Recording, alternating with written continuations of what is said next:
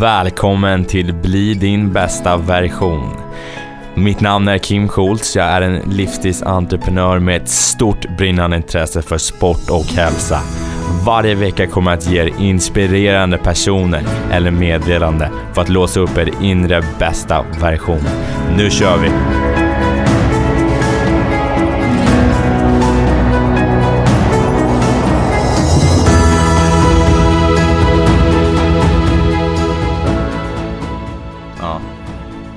Hur kändes det när du kom fram? Alltså när du var framme vid Sydpolen, vad, vad hade du för känslor?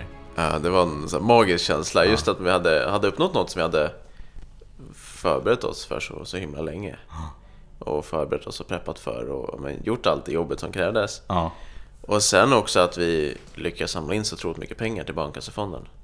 Vi, Precis. vi fick in totalt 6,5 miljoner till Barnkassefonden. Nej, det är helt fantastiskt. Vilket det är, så här, det är en så ganska surrealistisk känsla att komma fram och veta att faktiskt gjort den skillnaden. Och jag hade cancer själv när jag var liten så att det gör så att det känns extra bra att kunna, kunna samla in de pengarna.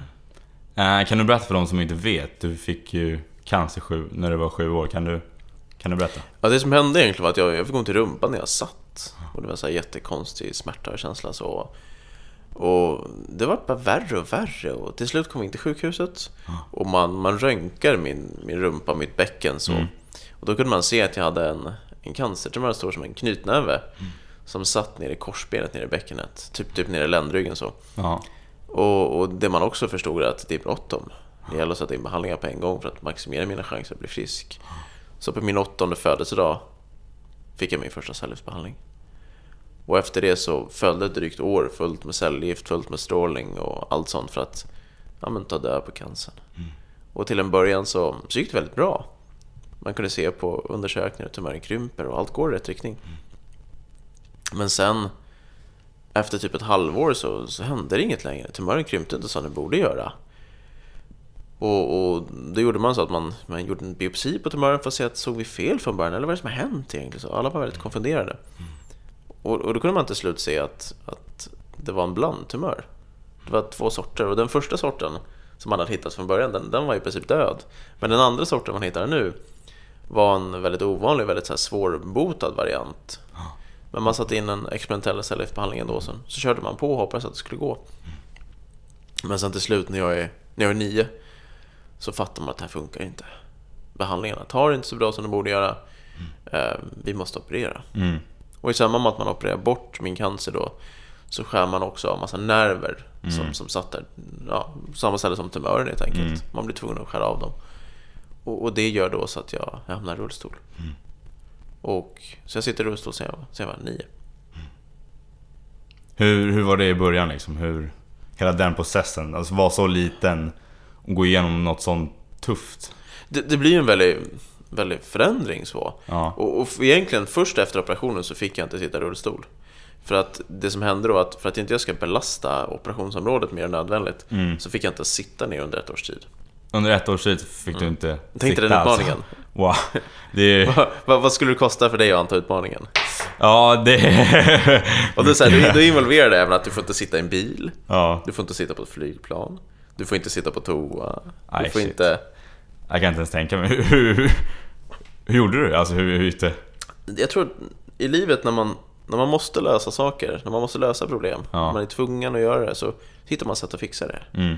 Jag, jag, kan, jag kan gå lite, jag kan använda mina ben li, litet så. Mm. Så jag, jag kunde gå lite med sån här stor tung bökrullator, jag satt på knä i bilen och hängde på något konstigt sätt. Och så här, man, man hittar sätt att lösa problemen helt enkelt. Mm. Men det var jäkligt tufft, det var jäkligt jobbigt, så Ja, var det verkligen. Men sen när jag var, när jag var tio så, så var jag på ett läger på, på Gran Canaria. Mm. Och, och där fick jag prova rullstol för första gången. För då hade jag fått börja sitta precis. Mm. Och det vart så otroligt positivt med rullstol då. För rullstol var så otroligt galet mycket bättre Mm. än att, eh, att gå med rollator. Alltså gå med rollator, det, det är ett helvete. Det är ett helvete. Ja, men det, det, Ja. det suger hårt. Alltså, det, det är inte kul. Och, och, och då att, att få sitta ner och kunna rulla fort med mina vänner och sånt, det, det blev en helt annan grej. Plötsligt kunde jag börja leva. Och jag tror det... Jag hade ett perspektiv som var mot att, att rullator. Mm. Hade mitt perspektiv varit att gå från att vara fullt frisk och fullt fungerande och så kunna, kunna spela fotboll med kompisarna till att vara med i en bilolycka eller något och poff, dagen efter sitta i rullstol. Mm. Det hade varit mycket jobbigare. Men för mig nu var mitt perspektiv rullatorn. Och det gjorde så att hela rullstolen var så otroligt positiv för mig. Mm. Det har varit en otrolig förbättring. Det var en ny värld liksom. Du fick ett nytt Ah, jag fick ett nytt perspektiv liksom. Ja. Ja. Och jag kunde börja leva igen. Ja. Så att egentligen sen, sen dag ett så har rullstolen varit något fantastiskt för mig. Mm. Det har varit ett, ett sätt att leva. Så den betydde alltså såklart väldigt mycket då för dig. Har otroligt mycket positiva känslor Ja. kopplade till min rullstol. Och alltså, i, idag, jag kan säga det, det är bland det bästa som hänt att jag hamnade i rullstol. Att, att jag fick den här första rullstolen. Mm. För hade jag fortfarande gått med rollator idag och, och det var jättejobbigt och jag gick jättelångsamt och väldigt, väldigt bökigt. Mm. Så jag kan inte an, tänka på vart mitt liv hade varit då. Vilka mentala strategier lärde du dig redan som, som barn när du gick igenom allt? Alla de här jobbiga sakerna. Vad, vad Ehm, lärde du dig? Det är egentligen mycket liknande strategier mot, mot vad jag använder idag tror jag för att kunna göra olika äventyr och sånt. Jag, jag brukar säga att jag har en väldigt, väldigt fördel med tanke på att jag har varit sjuk och gått igenom alla de här tuffa sakerna. För det är som alla som går igenom tuffa saker, vi lär oss strategier hur vi ska hantera det. Ibland är strategierna positiva, ibland är de lite mer destruktiva, så, men vi lär oss sätt att klara av det. Och för mig, vad jag pratar om perspektiv med att, med att mellan rullstol och rullator och, och det är samma sak eh, när jag var liten, jag hade också perspektiv då. Jag kommer ihåg någon gång att jag låg på, på rummet på sjukhuset, så delade jag rummen med en annan kille där. Och, och han eh, fick väldigt tuffa cellgifter också. Jag fick också cellgifter, men han, han mådde väldigt mycket sämre. Mm. Och jag hade tur den där gången att jag, jag mådde ganska bra. Jag spydde inte så mycket och sånt, men han mådde skit och spydde hela tiden och var jätte, jätte dålig. Och, och, och det någonstans gjorde det lättare för mig att tänka, fan, den där killen har det värre. Ja, men det, ah, jag har det inte så farligt, jag kan, jag kan fixa det här. Mm. Och det blev en sån sak. Och sen också det här som delmål som jag pratade om innan. Att sätta upp de här små, små grejerna för sig själv. Jag ska bara fixa det där. Mm. Jag ska bara klara den där lilla, lilla grejen så. Eh, det, det blev också en sån sak. Man satte upp så här små grejer. Men jag ska bara kunna göra det där. Jag ska, jag ska bara orka själv gå, gå, gå ut i korridoren Mm. med droppställningen och sådär. Jag ska Mm. orka Man satte upp de här små delmålen liksom. Ja, men de där Och små där- sakerna så. Ja.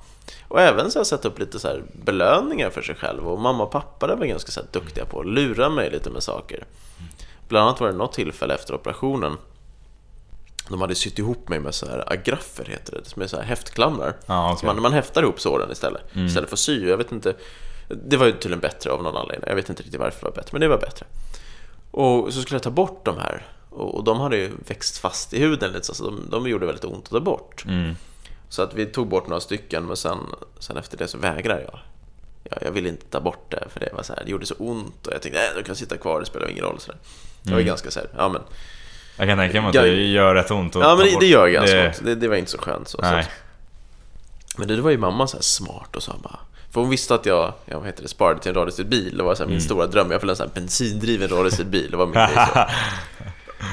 Eh, och jag låg och kollade de här katalogerna dagen ända om de här bilarna och drömde om det. Så. ja. Och, och då sa mamma så okej men Aron, du, du, får, du får 10 kronor per, vad heter det? Nej, du får 5 kronor var det. 5 kronor per, per sån här häftklammer vi tar Ja. bort. Och om vi klarar med alla innan klockan sex ikväll så. Mm. För då fick jag en deadline så jag tänkte shit, okej nu måste vi göra det här. Eh, och då, då fick jag motivationen. Då fick jag så här, okej men jag har ett mål, kan, kan jag göra någonting med det här? Mm. Och då hann vi faktiskt få ut alla de där och till slut fick jag väl en ja, 505 kronor eller vad det var. Det blev rätt bra ändå alltså. Ja, det, det var ju många häftlämnar så det var, det var bra med pengar. Ja. Det var en sån sak som, som, som, som gav motivation så. Mm. Och det är också så här, hur kan man göra det i vanliga livet? Hur kan man belöna sig själv med små saker? Att, ja, men fixar jag bara det där, då, då, Mm. då jäklar, då kan jag göra den där grejen så. Och, och sen för mig handlar det mycket om det jag gör nu, är så här, drivkraft så. Mm. Att så här, vad, vad är det som driver egentligen så här? Och då frågar sig så här, var, varför gör jag det jag gör? Ja, Vad driver dig? Ja. Och först och främst så är det drivs av glädje. Alltså de här sakerna, vara ute på äventyr och sånt där. Jag mår aldrig bättre ändå. Alltså jag är, var så glad, det är så härligt, det är så, det är så kul. Så det är väldigt så här, ja men jag, jag drivs av glädje, jag drivs av att det är roligt. Men sen vissa tillfällen är det ju kanske inte riktigt lika roligt. Nej, alltså, i, i, när jag låg och simmade över Ålands hav till exempel. Du vet, det är så, här, det är så kallt så att jag bara fryser. Vågorna bara sköljer över mig, jag har ont i hela kroppen. Alltså. Då, då, jag låg ju inte och garvade då direkt. Nej, det, då är det kanske inte ren glädje. Nej, Simma i ett kallt hav liksom, en- vad var det, 37 kilometer? 37 kilometer Ja. och sen 14-15 grader vatten. Precis. Äv- Även med våtdräkt så blir det väldigt kallt. Ja, det, jag kan tänka mig Eh, och, och där så började jag klura på så här, men okej, hur kan jag få mer drivkraft? För att det var inte så roligt. Och, och det som vart mycket mitt så här, varför det, varför jag gjorde det jag gjorde, Mm. var ju mycket att jag gjorde det för Barncancerfonden. Mm. Jag gjorde det för att samla in pengar. Jag visste att kommer jag fram till den där bryggan på Åland, Mm. kan jag ta den där, så här bilden där när den kommer upp, kan jag lägga ut den på Facebook? Jag vet, den kan få en brutal spridning och vi kan få in massa pengar till Mm. Barncancerfonden. Alltså, det, ja, det ska jag fixa. Det, det gav en otrolig energi. Och det känns så jäkla kul att få ge tillbaka. Att jag med det jag gör kan lyckas samla in pengar som faktiskt kan göra skillnad för barn och ungdomar som går igenom det jag gick igenom när jag var Mm. liten. Det, det känns så häftigt.